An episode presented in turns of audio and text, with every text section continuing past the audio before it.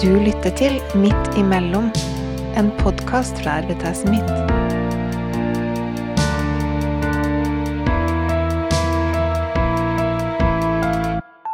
Iblant så opplever vi som hjelpere at barn sier eller gjør noe som vekker bekymring. Men hva skal vi gjøre med den bekymringa, og hvordan få ungene til å fortelle? Jeg heter Unni Skoglund, og i studio har jeg med meg Ingrid Iversen, som er enhetsleder i Bispehaugen barnehager i Trondheim. Og Siri Leron, du er helsesykepleier og sexologisk rådgiver og familieterapeut her ved RVT Smith. Hva tenker dere er viktig å gjøre når man sitter med en uro for et barn? Ingrid, jeg Ja. tenker at det er viktig å handle. Mm. Men hva ligger det i det?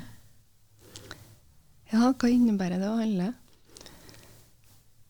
Først må vi våge å tenke tanken, da. Ja, det er viktig. Man må tenke tanken på at eh, barn faktisk kan være utsatt for um, vold eller overgrep eller omsorgssvikt på noen annen måte. Ja, at uroa vår kan handle om det. Ja. Mm.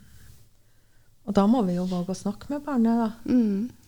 om det her, og kjenne litt på denne uroa vår, og våge å på en måte formidle at vi er urolig. Og det kan jo gjøres på mange måter. Mm. Først og fremst må man jo man må reflektere eh, over egne, egne holdninger òg, og eventuelle barrierer man kan ha i forhold til å gå inn i denne møtet med barna. Men samtidig så er det en plikt vi har. Og vi må tåle å høre. Vi må tåle å høre barnets historie. Mm. Vi må vise barnet at vi tåler å høre det du eventuelt eh, forteller til oss, og at vi vil veldig gjerne hjelpe deg. Mm. At vi vil være en hjelper. Eller har man en, en bekymring for et barn? Man kjenner på en, en, en magefølelse på at her er, det noe som er, her er det noe som ikke helt stemmer, så har man faktisk en plikt til å gjøre noe med det. Mm. Man må handle. Man har en eh, eh, For det første så må man eh, kanskje reflektere litt sjøl. Hva kan jo det her handle om? Man må rådføre seg kanskje med noen kollegaer. Kanskje sitter man med den samme bekymringa eh, knytta opp mot det samme barnet, og da må man faktisk handle sammen. Det kan, ja, det kan jo være barn som gir Altså barns smerteuttrykk. Kanskje har man en bekymring for at et barn eh, til stadighet kommer og klager på at det har vondt i magen. Eller det kan være at de er veldig urolig. Det kan være at de eh, er veldig kontaktsøkende. De kan ha utsagn som gjør at du blir bekymra. Mm. Alt det her gjør at du må handle. Ja, altså snakke med barnet, da. Ja.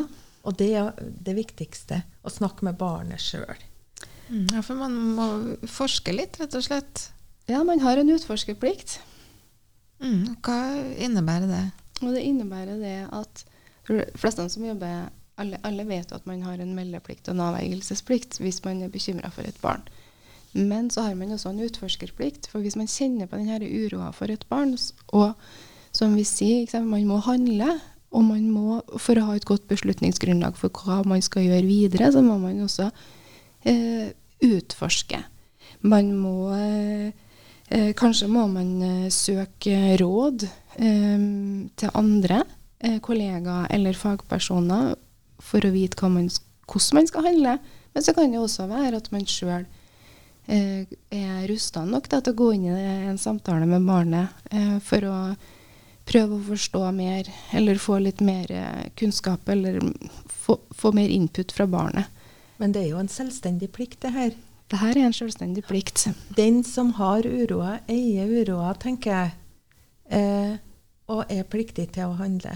Ja, eh, man har, eh, og det er viktig at man har gode rutiner for det. Eh, til ansatte som jobber med barn og unge, så man må ha gode rutiner rundt omkring på enhetene i forhold til hva gjør man for noen ting hvis man er bekymra for et barn. Og da er det jo sånn at som du sier, man har en selvstendig plikt, og det har man også hvis man går, for man skal gå og melde en bekymring til nærmeste leder. Og hvis f.eks. nærmeste leder sier at nei, men det er ikke noe hold i denne bekymringa, eller nei da. Vi venter litt. Vi venter litt til. Da tenker jeg at da har man en selvstendig plikt. Eh, Da må man faktisk melde sjøl. Og da må du være modig på barnets vegne, da. Du må ha barneperspektivet. Og du må liksom vise at du er barnets talsperson, tenker jeg. Ja. Og det kan for mange være vanskelig, fordi at man har ofte tette relasjoner med foreldre. Men det er jo Når du jobber med barn og unge, så er det jo dem man er talsperson for. Man må være barnets stemme utad og løfte frem barnets stemme. Og så kan det jo være For at tett relasjon med foreldre, det har man. Så det ubehaget vil man nok komme til å kjenne på uansett. Og det kan være familier man har hatt samarbeid med over flere år, og så plutselig så får man en bekymring om man har kanskje Kanskje er det barn nummer tre man har i barnehagen, og de har vært i barnehagen i ti år. Da kjenner man hverandre veldig godt. Og da kan man kjenne ekstra på det her ubehaget på at oi, eh, neimen, de er da så hyggelige, eller det kan da ikke stemme. Men så tenker jeg at jo, man skal ta barnet på alvor, og man skal være barnets talsperson og gjøre noe videre med det bar barnet forteller, eller den atferden som barnet viser. Mm, du, jeg har jo jobba mye i barnehager, Ingrid. Jeg har jo jobba mye med ungdommer òg. Og um, det blir litt annerledes da. Mm. Fordi at um, du jobber veldig mye med barnet gjennom foreldrene når de er små. Men så jobber du mer med ungdommene sjøl når de blir større. Mm. Men like fullt er det et ubehag når du er nødt til å gå inn i en familie og snakke om det her ubehagelige, tenker jeg. Ja. For det er jo en eh, Det, jo, det, vil, jo, det vil jo være en vanske i familien også, fordi at eh, de må vil jo oppleve det her som vanskelig. Mm. Og man, når man jobber med barn og unge, så kommer man inn som, eh, som eh, en profesjonsutøver på et vis. Man, er- man er der i det, er- det er gjennom jobben, men for de her familiene så kommer man inn i deres private sfære. da. Mm. Så det- man må gjøre det med varsomhet Absolutt. eh, og med respekt uansett.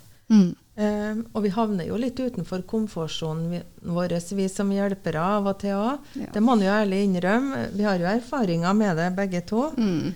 eh, og har vært i praksis i mange år. Og det at vi havner sånn litt utenfor toleransevinduet eller komfortsonen vår, vår, tenker jeg, det kan jo være et hinder for å gi riktig og god hjelp. Mm. Mm, så man må på en måte overkomme en del barrierer på en måte og ja, lære seg å legge bort ubehaget på et vis. Ja, Ja. eller å, stå, eller å tåle ubehaget. Ja. For det er jo da du virkelig har barneperspektivet. Mm. Vi, vi er der først og fremst for barnet, Mm. Ja. eller ungdommen. Mm. Mm. Og må greie å, greie å stå i det. For det ubehaget vil man kjenne på uansett. ja. For at vi er mennesker. Mm. Det er mye følelser inni det. Men samtidig så, eh, så må man handle. Det må vi. Mm. Og hvordan kan vi da jobbe for å få barn sitt tillit og, og skape et rom, sånn at barnet kan fortelle? Det er jo et voksenansvar, det her. Å legge til rette for at barn skal kan fortelle historien sin, tenker jeg.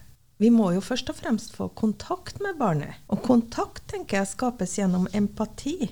Og det er på en måte kanskje det jeg tenker på som en slags profesjonell eller bevisst inngang til barnets livsverden. Og det her med den profesjonelle relasjonen vi har til ungene, det er jo ikke en varig relasjon.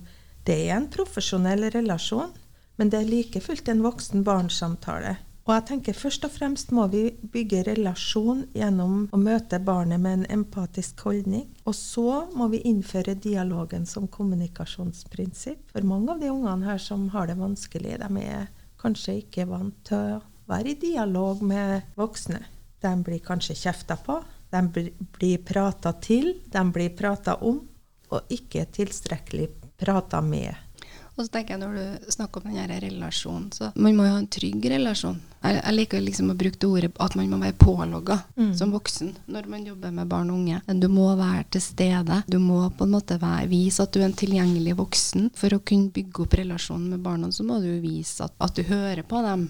Og at du tåler å høre det som kommer. Ja, ikke minst at du viser at du tåler å høre historien, for de tester jo litt òg. De eh, åpner jo ikke seg til alle, og de ungene de, de bryr jo seg egentlig ikke om hvem, i hvilken rolle den voksne har, om det er hvem det er i personalgruppa. De velger jo den voksne de føler seg trygg på. Og da kan de teste litt i forhold til er du den personen som kan ta imot min historie. Ja, så da må vi jo noen gang tåle avvisninger, tenker jeg. Og det kan det bli mange av. Det kan det bli mange av, men hvis uroa vår fortsatt er der etter gjentatte avvisninger, så må vi liksom tåle å stå i det. Og hente inn det her barnet igjen og igjen, tenker jeg. Mm. Til vi har fått uh, visshet i er det noe i uroa mi, eller er det ikke. Ja, så tror jeg man kanskje går inn i den her samtalen med en tanke, og så vil man gjerne at man skal få en, en bekreftelse eller en avkreftelse nesten i første samtalen. Ja. Og så tenker man at nei, men eh, det kom ikke noe mer nå, så da, ja, da var det sikkert ingenting. Men eh, det er litt som du sier, sier, at det kan være flere samtaler som må til. Du kan få en avvisning på første samtalen, men du må ta eh, ansvar for å ta noen flere prater. Ja, for det vet vi jo om håper jeg, vi oss voksne òg, hvis vi har noe vi trenger å snakke om. Det er jo ikke alle vi åpner oss til, eller vi gjør det i hvert fall ikke for første gang det kanskje temaet kommer på banen.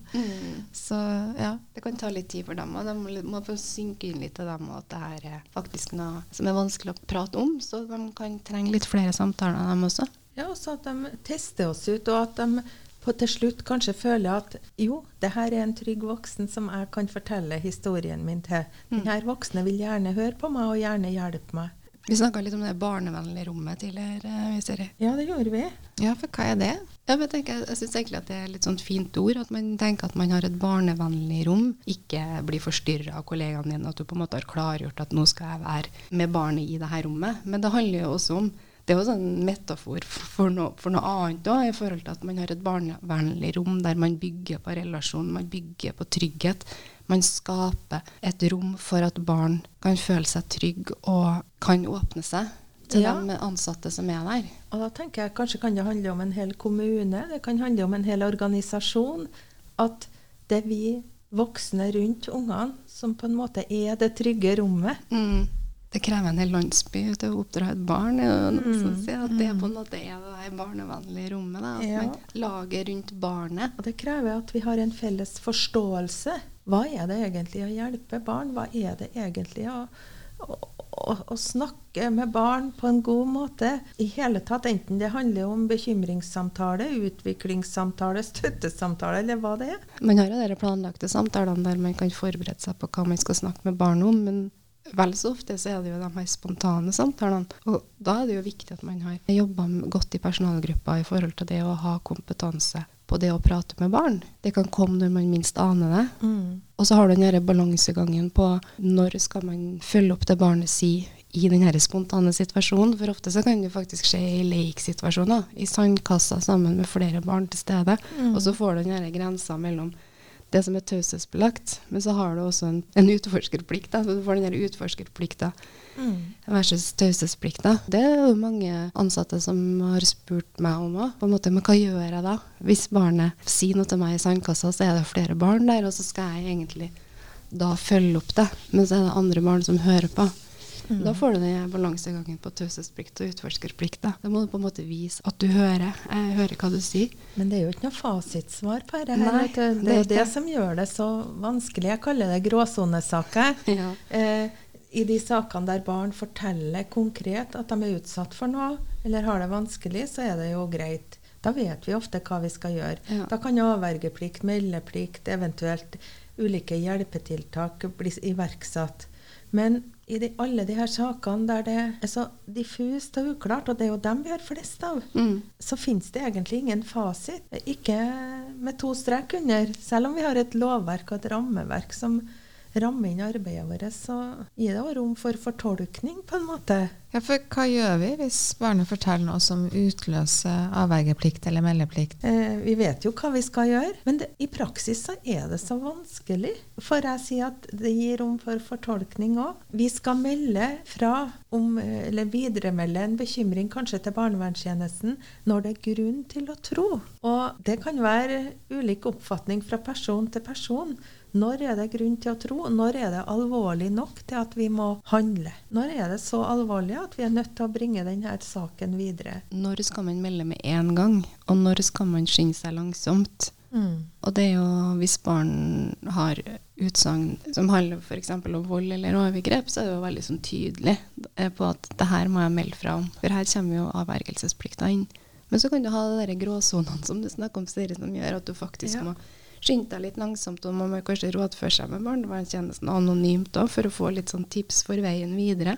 Ja, og så kanskje kan du stå i de her gråsonesakene over år, tenker jeg. fordi at det kan ta veldig lang tid å få barns tillit. Og uroa vår er der. Mm. Og det betyr at vi må hente dem inn igjen og igjen. Skape et godt rom for barna å være i. Pass på at vi er i dialog med dem. At vi ser dem. At vi hører dem.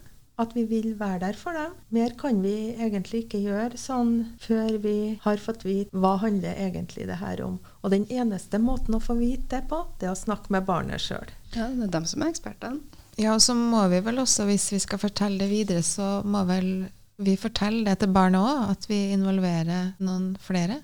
Ja, det er viktig å informere barnet om det.